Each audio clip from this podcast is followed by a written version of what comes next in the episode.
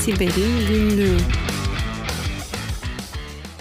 Siber'in günden herkese iyi haftalar. Ben Tuğba. Bu hafta yine solo olarak sizlerle beraberim. Maalesef yakışıklı ekip arkadaşlarımın hiçbirisi yok bugün.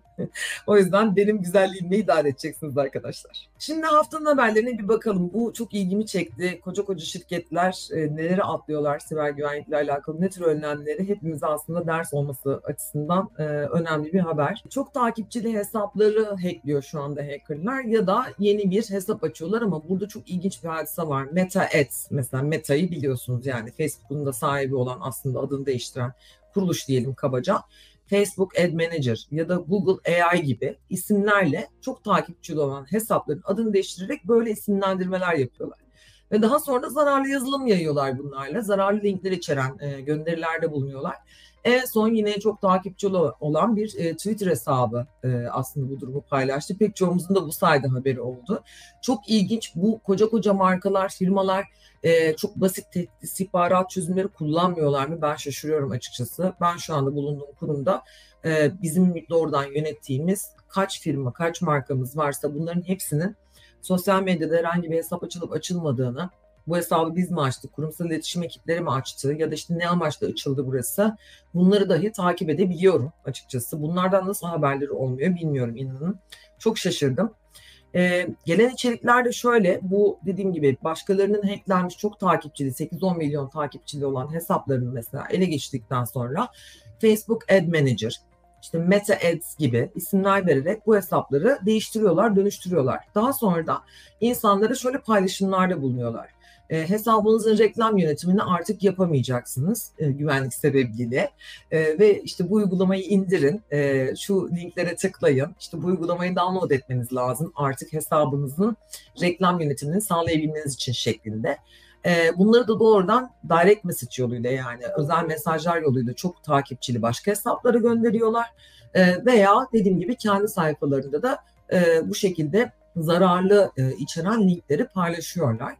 Ee, burada yine önemli bir konu var. Lookalike yani sahte linkler. Burada gönderilen linklerin içerisinde de böyle bir typo, iki typo olup harf hareketleri var. Tabii siz sosyal medya hesabını doğrudan orijinal hesap zannettiğiniz için e, sizi yönlendiren linkin içerisindeki o bir harflik, iki harflik farklılığı da fark etmeyebiliyorsunuz. Halbuki aslında sizi yönlendirdiği adreste zararlı yazılım saçan, yayan bir adres oluyor. E, Facebook'un da Meta'nın da adını içeren hesaplar var ve bu hesaplar Facebook'un içinde yayınlanıyor. Yani bundan hani e, terzi kendi söküğünü mü dikemiyor nasıl bir durum oluyor? Açıkçası ben de çok şaşırıyorum. Ve işin garip tarafı bunların hepsi e, az önce de bahsettiğim gibi verified account yani mavi tık almış hesaplar arkadaşlar. Doğrulanmış hesap olarak paylaşım yapıyorlar. Bu açıdan çok çok tehlikeli. Ben bulunduğum kurumdaki bütün kurumsal iletişimci arkadaşlarıma haber verdim. Mutlaka dikkat edin buradan gelen paylaşımlarla ilgili. Çünkü kurumsal e, iletişim ekipleri ve ajanslar biliyorsunuz sosyal medya hesaplarımızı yönetiyorlar ve burada kurumumuzla alakalı gerekli reklamlı içerikleri ya da daha fazla takipçi ulaşmakla alakalı SEO ajans işlerini de yapıyorlar. Dolayısıyla e, burası çok önemli. E, bu şekilde bir hacking olayının e, kurbanı olmayalım. Mutlaka takip edelim.